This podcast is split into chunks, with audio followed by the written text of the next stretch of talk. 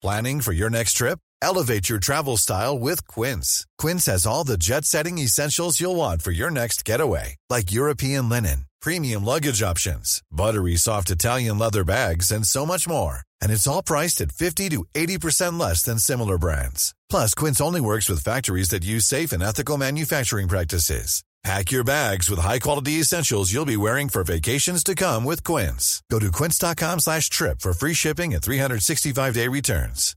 Hey, Dave. Yeah, Randy. Since we founded Bombus, we've always said our socks, underwear, and T-shirts are super soft. Any new ideas? Maybe sublimely soft. Or disgustingly cozy? Wait, what? I got it. Bombus. Absurdly comfortable essentials for yourself And for those facing homelessness. because one purchased equals one donated. Wow, did we just write an ad?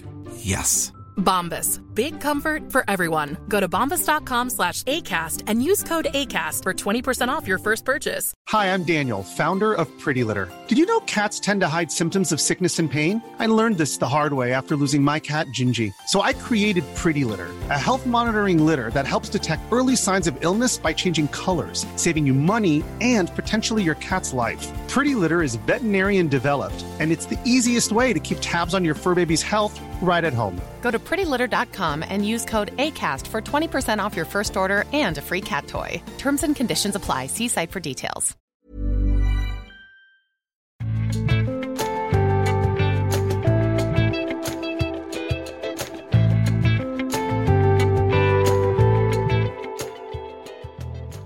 Tarjei Gilje og jeg, Tore Hjalmar Sævik, ser utover litt snø her i Bergen. eh, Så lenge det varer. Vi har i dag med oss en gjest på det blide Sørlandet. Jeg vet ikke, Der var det veldig mye snø i går Mer snø kveld. der, tror jeg. Ja, Der var det snøkaos på E18. Men, men hvordan er det i dag, Siri Iversen? er ikke mye blitt Sørlandet her i dag. altså Den gleden meg å være langt inn i hjertet, for her er det sludd og glatt og, og egentlig sørlandsvinter på sitt verste, altså. Du er gjest i dag fordi du er innstilt som ny generalsekretær i Misjonskirken Norge, det som tidligere het Norges misjonsforbund. Eh, og det skal vi komme litt tilbake til hva eh, Misjonskirken Norge er, og hva, hva som kjennetegner det kirkesamfunnet. Men i dag er du pastor i, på Flekkerøya, altså Flekkerøy misjonsmenighet. Og eh, vi har jo vært på Flekkerøya, og det, det er jo et eh, ganske spesielt eh, En spesiell plass i Kristen-Norge, må en trygt kunne si. Eh, Kan du si litt, Tarjei, om hva inntrykk du fikk da vi var på Flekkerøya? Det er egentlig et par ting som, som sitter igjen, og det tror jeg aldri kommer kanskje kommer til å glemme. Og Det var når de fortalte om at, eh, at eh, på skolen så kan elever klage over Nei, vi er bare seks kristne i klassen vår. Eh, Eller at jeg lurer på om så mye som en tredjedel av befolkningen på hele øyen hadde vært på Menighetsviken. Så dette er jo, dette er jo liksom sånne proporsjoner som er ganske forskjellige fra gjennomsnittet i Norge, da. Dette er jo ei øy, for de som ikke kjenner geografien så godt, som ligger i Kristiansand kommune. Eh, du kjører forbi eh, ja, litt eh, vestover og sørover. Jeg, jeg kan ta en vits. Det var en, en kristiansander som fortalte det til meg, at, at eh, de som bor i Kristiansand, det er de som ikke rakk amerikabåten.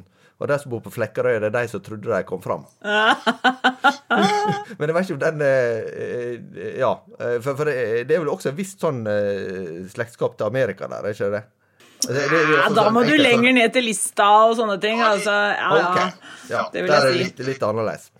Nei, men uansett, dialekt, eller som det heter i, i Det nye testamentet, målet ditt å røpe deg. Eh, Du er jo ikke fra eh, Du er jo ikke fra Flekkerøya sjøl. Nei, det er helt riktig. Jeg, kommer, jeg vet ikke helt hvor jeg kommer fra, men jeg er født og oppvokst i Treungen i Telemark. Eh, Og så har vi Ja, flytta du er egentlig misjonærbarn. Jeg er misjonærbarn.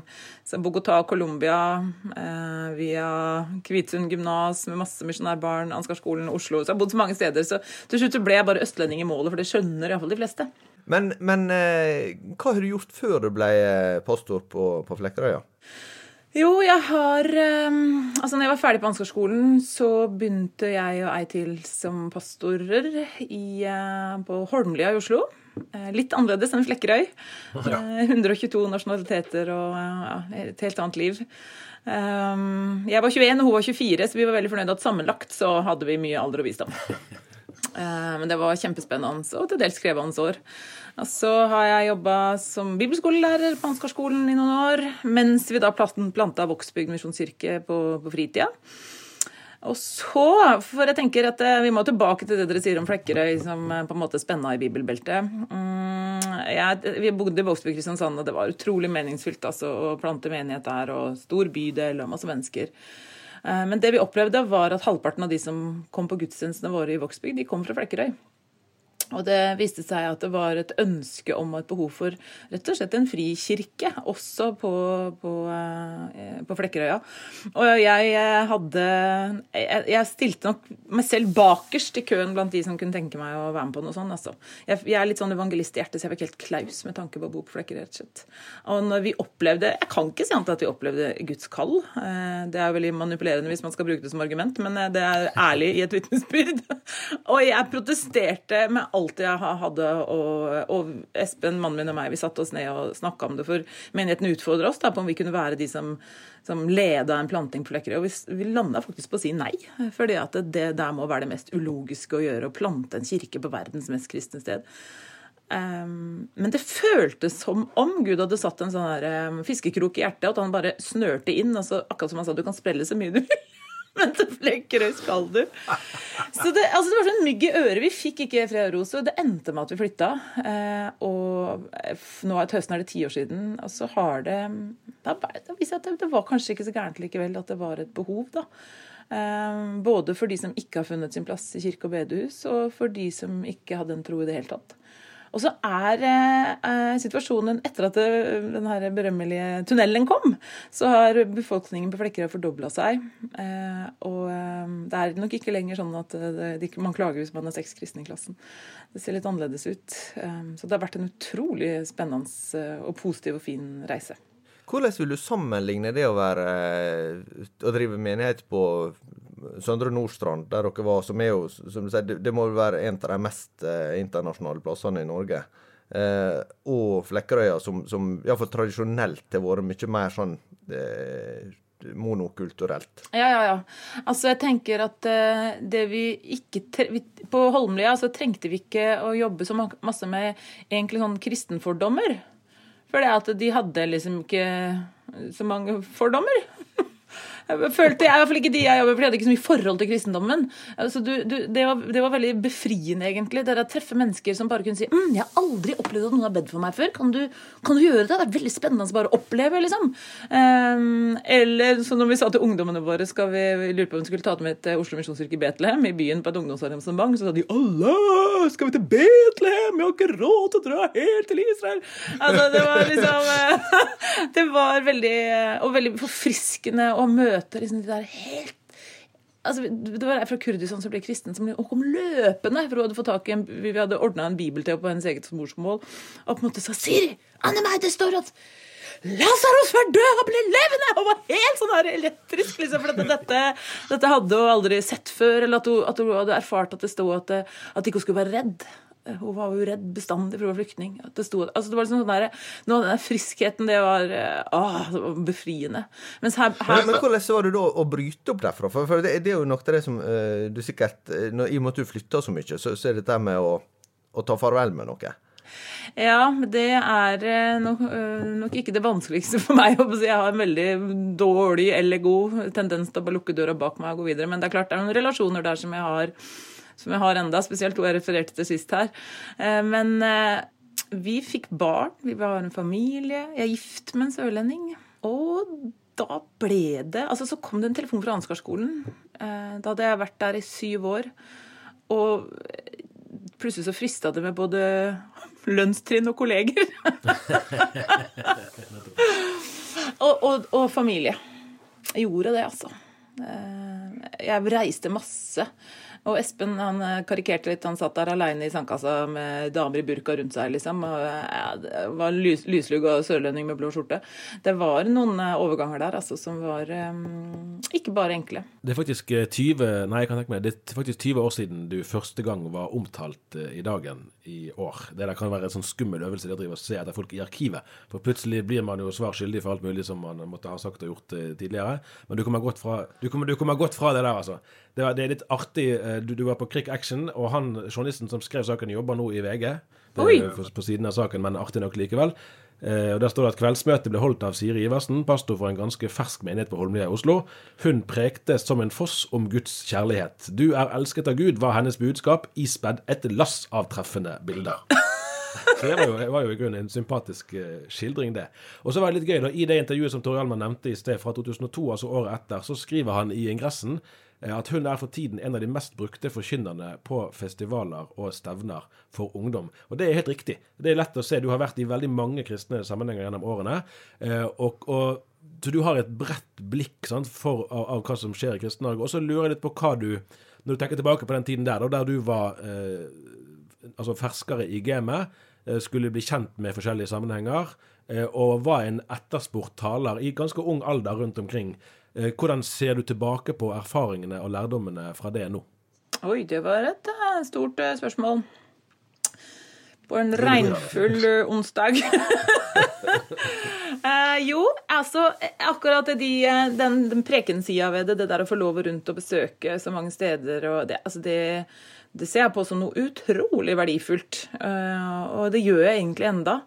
Og jeg er veldig glad i å forkynne, selv om jeg syns ofte det er veldig krevende å forberede meg. Det er derfor jeg kan ikke gjøre det så ofte, for det krever mye av meg. Eh, Men eh, i retroperspektiv det er, det er akkurat Jeg har hatt et annet intervju òg, skjønner du, at jeg graver litt i livet mitt. og eh, eh, Jeg hadde nok eh, Jeg var like mye gift med Kristus og menigheten som jeg var med ektefellen min. Kan vi si det sånn? Og det er jo ikke så lett. Og eh, jeg hadde nok putta i han på en måte, tenkte han, Det var logisk at han var en kombinasjon av min far og mine to brødre. Og da var det bare Menigheten var glad, de hadde fått en ekstra ung mann. Og da putta de han inn i alle slags oppgaver, og jeg syns han var særs ugudelig som ville på hyttetur i påsken. Eh, for da drar man jo på leir, må vite. Eh, og han sa det litt halvtørt når vi dro hjem fra en påskeleir, hvor vi hadde, vi hadde leda møtene, talt på møtene, sagt lovsang på møtene, hatt underholdning på leiren og hatt med våre egne holmlige ungdommer, som til slutt vi fant i andre etasje mens de kasta skolens stoler ut av vinduet, for de hadde mobba på seg den lokale liksom, gjengen som sto med kubein nede. Eh, skjønner du? Eh, og vi fikk telefoner hele vinteren etterpå av alt det hærverket de hadde. Men når skolen skulle ta over eh, lokalene sine etter at du hadde leid de, og de skulle dra ned kartene over de forskjellige verdensdelene, da hang det pornobilder på alle sammen. Altså, da var da han litt tørt sa jeg er mer sliten etter en påskeferien enn før. Så jeg er at eh, Det er fint å være fremoverlent, men, men det der å være nygift og få barn og liksom nyte den tida, det føler jeg jeg, jeg holder på å ta igjen litt nå, da. Ja. Så, så det er derfor du tenker på Altså det er derfor du sagt ja til å bli generalsekretær? Jeg tenker at det, det må jo være en fin måte å roe inn årene litt. Ja. Nei, men det er handler om en indre holdning til det jeg holder på med. Og da må vi hoppe fram i tid. Altså, men det har, jeg har hatt et, et veldig sånn stort skifte i livet mitt. Så jeg gjør akkurat like mye, og er sikkert ikke ivrig, men inni meg så er det annerledes fordi at jeg jeg opp, har opplevd forskjellen på å ta imot livet som en gave og livet som en oppgave. Eh, og jeg har oppgaver å elske. Det takk og lovpris at vi får lov ha helse og energi til oppgaver. Men hvis først livet er en gave, så blir oppgaven eh, en mer takknemlighetsrespons enn si, ansvaret for å frelse hele verden. New Faith Network er stedet for de vakreste julefilmene, slik som Christmas Oranges, Baby in a Manger og Christmas for a Dollar. Inspirerende fortellinger om den egentlige meningen bak julen. Ser du etter meningsfylt skjermtid gjennom høytiden? Bli med på New Faith Network. Start din 14 dagers gratis prøveperiode i dag. Besøk newfaithnetwork.no. Det er interessant med, med folk som eh, Altså, det skiftet du altså Nå er det generalforsamlingen i mai 2022 som skal stå for selve valget. Sant? Så vi kan ikke liksom ta eller, og Du sjøl vil vel ikke ta for gitt at du blir valgt, men vi kan vel si at det er ganske høy sannsynlighet. Det blir veldig kjedelig hvis ikke det er iallfall det første gang i historien at ikke det har skjedd. Sånn at det er, I praksis er det ganske sikkert at du blir generalsekretær i, i mai. Og da er det jo det at du har, sant, du har vært pastor og forkynner i 20 år, og da, det innebærer jo førstehåndskontakt med mange mennesker. Sant? Du er på en måte i førstelinjetjenesten, så å si, og har både sjelesorg og vigselsamtaler sikkert, og gravferder og alt det som dette innebærer. Og så skal du da inn i en lederrolle som er ganske forskjellig. Du jobber for så vidt med de samme tingene. Dette er jo litt som å gå fra å være lærer til å bli rektor. sant? Eh, jeg lurer på hva du tenker om det. For du, du virker som en som, både, som liker eh, denne kontakten med folk. Eh, og, og, det er klart at det, det vil jo neppe være mulig å, å, fortsette det på samme måte, i hvert fall. Eh, I en sånn rolle. Men så gir jo den andre muligheter. Ja. Det er sant. Det kan hende jeg bare er dum nok til å liksom tørre å gå inn i rollen, fordi at jeg vet for lite om hva det innebærer. Nei, men det her, det her, tenker jeg mye om. Det ene er at jeg er glad i å lede. Eh, og jeg har Flekkerud misjonskirke vokste veldig fort. Sånn at jeg måtte øve meg på å lede gjennom andre. Jeg kan ikke være hands on i veldig mange ting. Eh, jeg leder cellelederne, så får cellelederne lede cellegruppene. på en måte. Jeg prøver å lede lederskapet, så kan lederskapet lede menigheten. Altså, det er noen, eh, Selvfølgelig er det lederskapsleder som gjør det, men at vi, det er noe med på en måte eh, Og så er jeg nemlig litt Jeg er glad i mennesker, og jeg er utadvendt, men jeg er også veldig introvert. Det er en veldig rar kombinasjon, men jeg, må, jeg liker å jobbe alene. Hva sa du? Ambivert, tror jeg er sånn ord på det. Ja, ok, Helt sikkert. For jeg, fordi at jeg må være alene for å lade. Uh, og jeg liker å være alene, og jeg kan være det lenge av gangen uten å bli lei. Um, men uh, men det, det, er jo altså Det er mange ting, da, men jeg er så fryktelig glad i Misjonskirken Norge. Der er jeg tredje generasjons misjonsforbunder. Jeg er uh, jeg, har fått masse tillit. Jeg er så glad i det. og Hvis jeg kan være med et stykke på veien med å forme og lede det videre, så er det et kjempeprivilegium. Og så er det jo en kanonstab. Altså Jeg måtte sette meg inn i alle disse her irrgangene. Om jeg kunne det mens vi intervjuer, og sånn, så begynner jeg å lese meg opp hvem er det som sitter i de forskjellige styreråder. Det er bare, bare kremfolk. Um, så jeg håper at, at, de bare kan fortsette å gjøre alt det de er gode på. Og kanskje også at jeg kan få lov å gjøre noe av det jeg er god på også. At ikke bare blir en sånn administrasjonsball, men at jeg får lov å, å også være litt rundt og forkynne litt og mm, forhåpentligvis begeistre, da. Spennende. For, for, denne komiteen som har innstilt deg, de skriver at du inngir eh, stolthet på Misjonskirkens vegne. Eh, og Det syns jeg var en interessant attest, litt fordi at vi lever i en tid der for mange sant, bevisstheten om at ja, jeg er med i Misjonssambandet, jeg er med i Indremisjonsforbundet, jeg er med i Baptistkirken, jeg er med i Metodistkirken, jeg er med i Misjonsforbundet, den var nok mye høyere før. Og, og, sånn Det er på ingen måte opplagt for alle å vite det. Sant? At Misjonskirken ble grunnlagt i 1884. 90 menigheter, ca. 9000 medlemmer, 11 000 medlemmer i trossamfunnet. Det er ca. like mange medlemmer som baptistene og eh, metodistene har eh, hver for seg. Skiftet navn 2016. Sånne her ting er det som ikke Det er ikke alle som, eh, som har det fremst i pannebrasken. Men når innstillingskomiteen sier at du inngir stolthet på Misjonskirkens vegne, hva er det du er stolt av? Hvorfor er du stolt av det? Ja. Det er mange ting ja, ja, det er mange ting, da. Det er klart at eh, min oppvekst og, og, og, mine foreldre har prega det kjempemye. Jeg var 13 år når de ble opp og dro til Colombia, og jeg liksom fikk leve misjonslivet og og altså, I Colombia så var det, det var en som var så glad, han ble så takknemlig når han kom i kontakt med Misjonskirken Norge. Så, og disse narkomanene som, som, skulle få seg noe nytt å leve av etter at de ble fri Det ble masse med, med sånn rehabiliteringssenter. Så skulle de lage sånn bibelcover i, i, skinn med kors foran. ikke sant? Og så var det grunnvollen til korset, der sto det DNM. Det norske misjonsforbundet. så det er noe med og, og, min pappa han var altså Det var, eh, det var Jesus og Misjonsforbundet i varierende rekkefølge. Uh, og så har jeg mine besteforeldre som, som uh, uh, opplevde å miste sitt barn, og som ble liksom omfavna av Salem Kristiansand og bare kunne ikke fullro hos Misjonskirken Norge. Min mor har vokst opp i Salem i Kristiansand, jeg var tolv år, at jeg ga mitt liv til Jesus og aldri angra. Altså, det er liksom, ja, det det liksom det er følelsene rundt det, da, og min egen oppvekst. Tenk, tenk på hva er det som kjennetegner Misjonsforbundet. Det er jo, Selv om det ble grunnlagt i 1884, så sporer det jo røttene sine helt tilbake til Nå skal ikke vi gå for langt inn i kirkehistorien, men eh, den lammerske menigheten i Skien i 1853, som var jo den første eh, frikirkelige menigheten i Norge. Eh, og, og, dermed så er det jo en slags pionerbevegelse. Og samtidig så er det en bevegelse som Eller et kirkesamfunn som, som het, måtte innstille seg på et større grad av variasjon eller mangfold enn mange andre. F.eks. med at en har to dåpssyn. Ja. Altså, men akkurat, Det er jo det som jeg, det jeg skulle trekke i pusten og si. For det liksom det første jeg beskriver, er barndom, oppvekst, følelser, leirliv, konferanser. Alt det som liksom jeg har fått på en måte gjennom og til Misjonskirken Norge. da. Og så begynte jeg å studere det, og, jeg elsker å, kirkehistorie, teologihistorie. Eh, og så skjønte jeg men vi er jo faktisk en litt sånn artig blomst i eh, kirkelandskapet, selv om vi kan være kjempestor. Eh, og nettopp det du beskriver, at vi har røtter i, i vekkelse, det, det, det fascinerer meg veldig.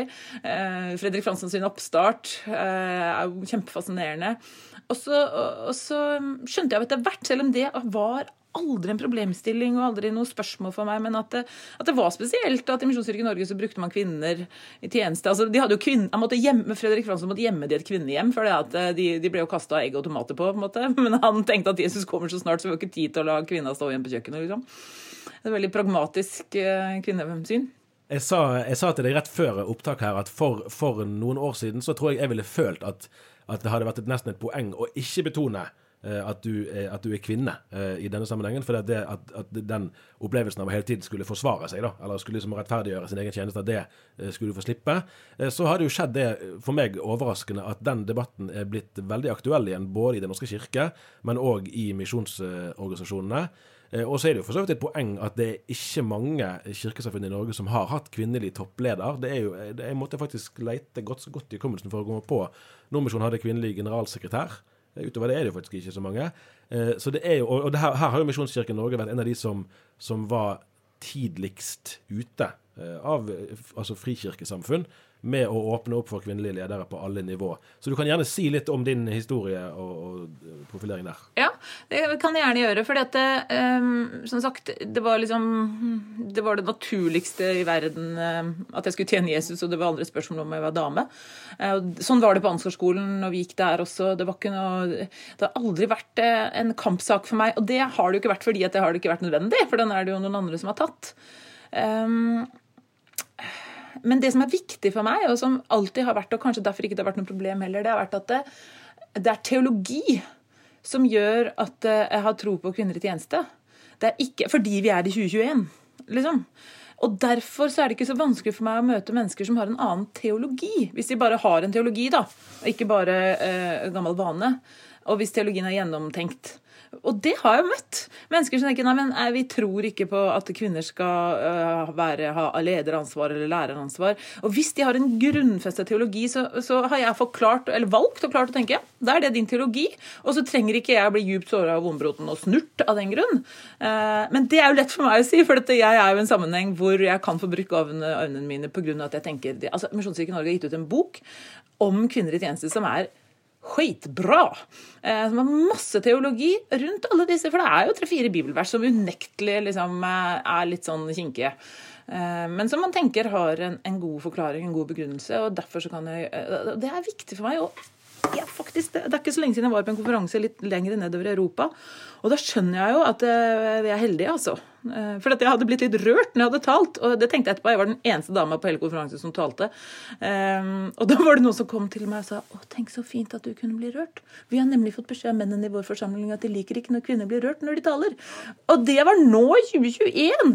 Eh, sånn at eh, plutselig tenkte jeg ja, men det er kanskje litt viktig da å være, være Hvordan tenker du der om forholdet mellom formelle og uformelle Eh, ja, regler og begrensninger. Da tenker jeg f.eks. på at i, når vi intervjuer eh, kvinner i Misjonssambandet, så er det noen som snakker om at det er et sånt tak, et glasstak.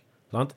Eh, og der er det jo noen I den lavkirkelige tenkningen man har der, sant? Så, så har man sagt at eldstetjenesten osv. Eh, er forbeholdt menn, men det er ikke egentlig en tydelig eh, liksom grensedragning for akkurat hva er da eldste oppgaver. Sant? I en høykirkelig embetsforståelse kan du lettere si at ja, presterollen, den er for menn. Eh, for én ting er jo da selve teologien man har, noe annet er jo da praktiseringen og kulturen rundt den. Og det er jo kanskje der eh, forestiller meg at flest kvinner opplever at ja, jeg vet det at det og det vervet er ledig for meg, men det er likevel noe her som hindrer. Altså, Jeg kan jo bare snakke for min egen del og for min egen erfaring. Og jeg, har ikke, jeg føler ikke jeg har møtt det, egentlig. Men det kan jo hende at andre i min sammenheng kjenner på det. Eh, og så tenker jeg det er nok litt lokale variasjoner også. Eh, og litt lokale tradisjoner som er forskjellige fra kirke til kirke. Men vi har jo en del eh, damer i forskjellige råd og styrer, og en del damer som er pastorer rundt over det, det ganske land. Eh, når vi har, eh, Her i Kristiansand har vi Gjeterflokken, heter det. Det er eh, pastorer og ansatte i misjonskirker i Kristiansandsregionen. Vi er blitt ti kirker nå, og vi er gjetere, så vi heter Gjeterflokken når vi møtes innimellom. Det er en god del damer der.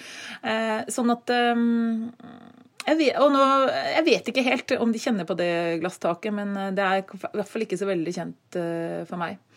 Og så er det, det er en ting, ja. nei, men bare si en ting, det er noe som er viktig, og det er det at det, for, og det, Kanskje jeg bare har vært heldig, eh, men, men, likevel, man har en veldig tanke om at det som skal være styrende, det er, det er nådegaven og personligheten til, eh, til den enkelte.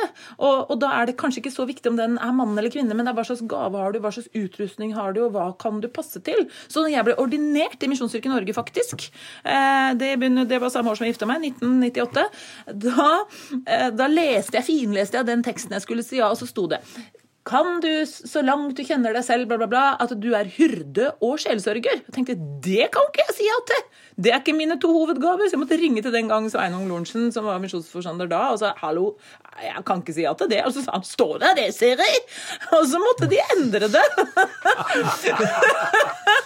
Fordi at det var tanken man hadde om et pastor, den skulle være hyrde og sjelsorger. Men det er ikke Nå er det Altså, du er menighetens leder i tråd med de gavene du har, og så må du supplere inn med de andre gavene. Og da blir det ikke så viktig om du er mann eller dame, men det blir viktig hvilke gave og personlighet og, og evner du har.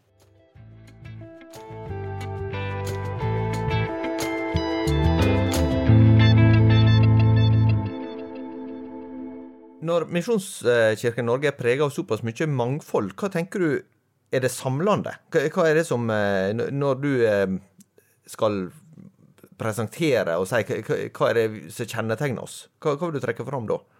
Det er jo først og fremst eh, mottoet vårt, som har mer eller mindre vært uendra siden 1884, som er Guds barns enhet og menneskers frelse.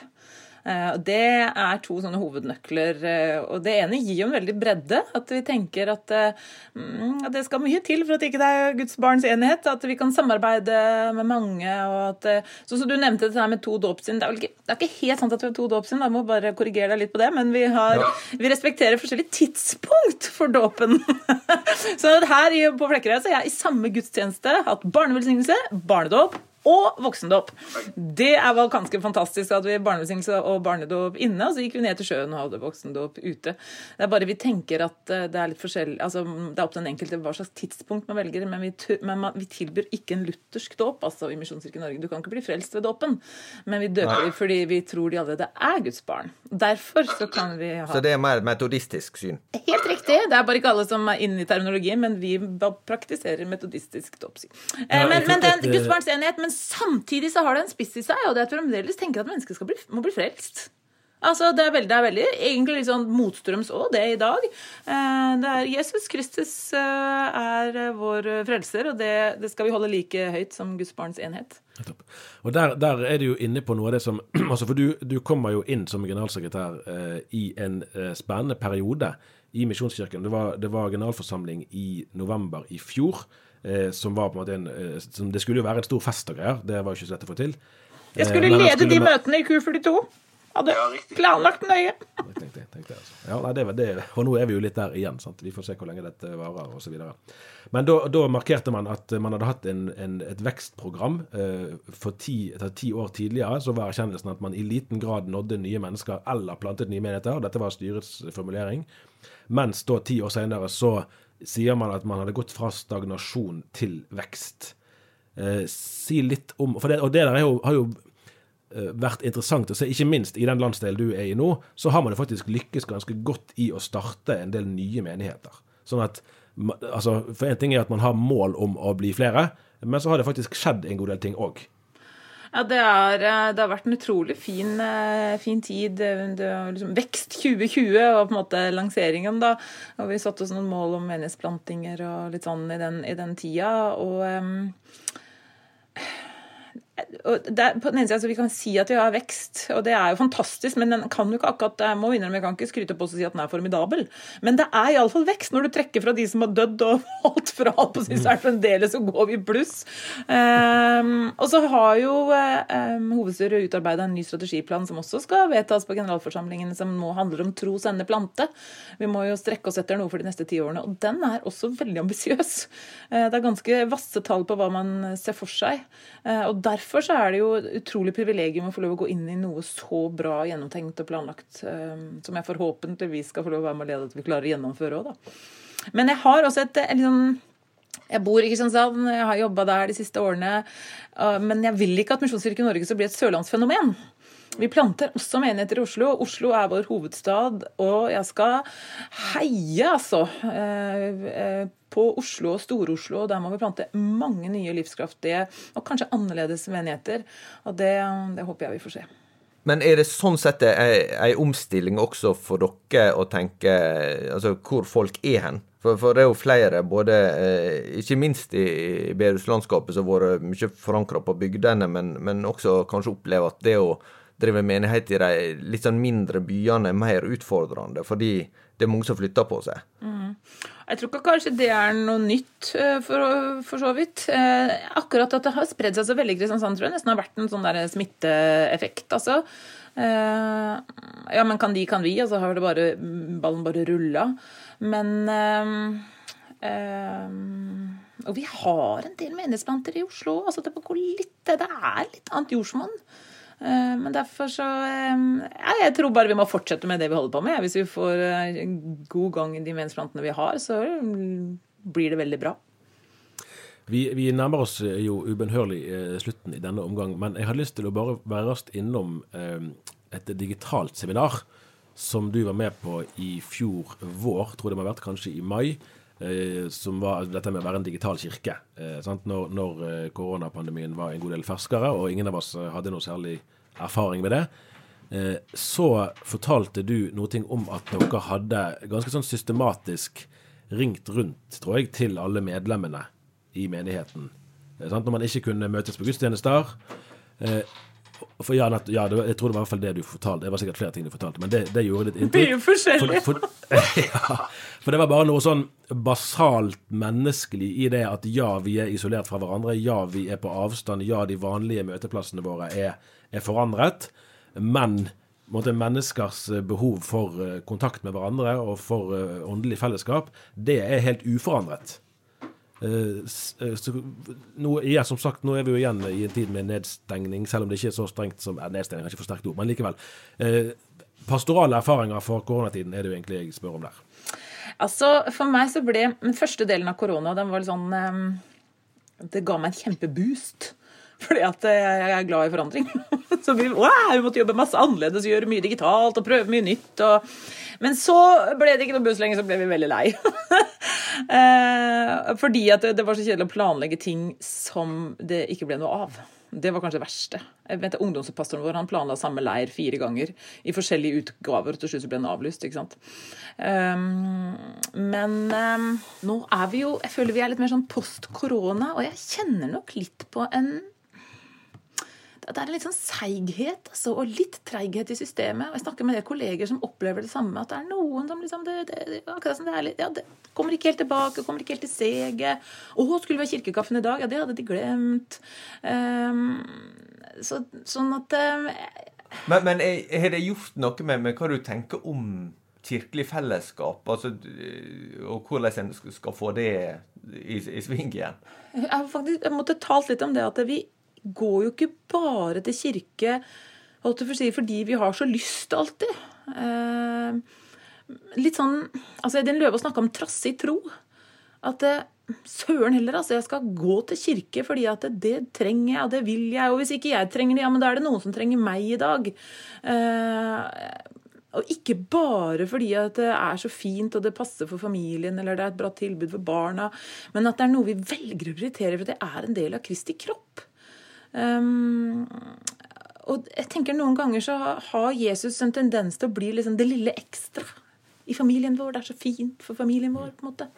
Uh, han er litt mer enn Han har liksom aldri bedt om å være det lille ekstra. Um, og det, det, tenker jeg det gjen, altså Forhold til Jesus i, ikke, Det fins unntak. Men forhold til Jesus tenker jeg på mange måter gjenspeiler seg i forhold til hans folk, til kirken. Uh, og det må være en samsvarighet der. Uh, og hvis man da på en måte, detter av lasset i, i menighetssammenheng, hva, hva, gjør det da med forhold til Jesus som med troa på lang sikt? Det, det tenker jeg det er nok spørsmål som vi må tørre å utfordre hverandre litt på. Jeg tror at det spørsmålet får lov til å henge der som en passende sluttsats i denne omgang. Jeg tror jeg Ja. Takk til uh, Siri Iversen for at du var med. Og så uh, kan det fort være at vi hører at Jeg nevnte Ja, så Tarjei var jo inne på det, at du var en av de første som jeg intervjua da jeg var sommervikar i dagen i 2002. og nå har vi helt kontakta i snart 20 år, da, så vi må jo fortsette. Prates igjen om 20 år, da! Takk for nå. Vi høres igjen neste uke.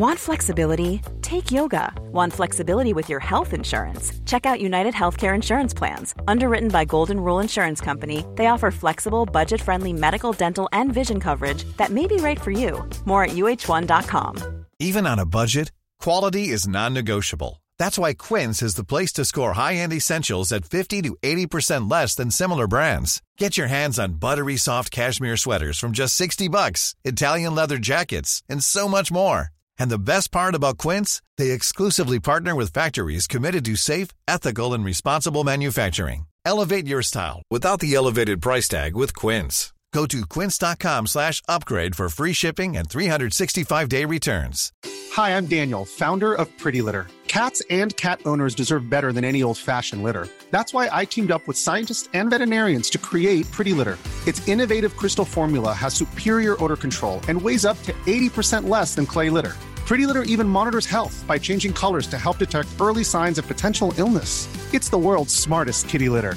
Go to prettylitter.com and use code ACAST for 20% off your first order and a free cat toy. Terms and conditions apply. See site for details.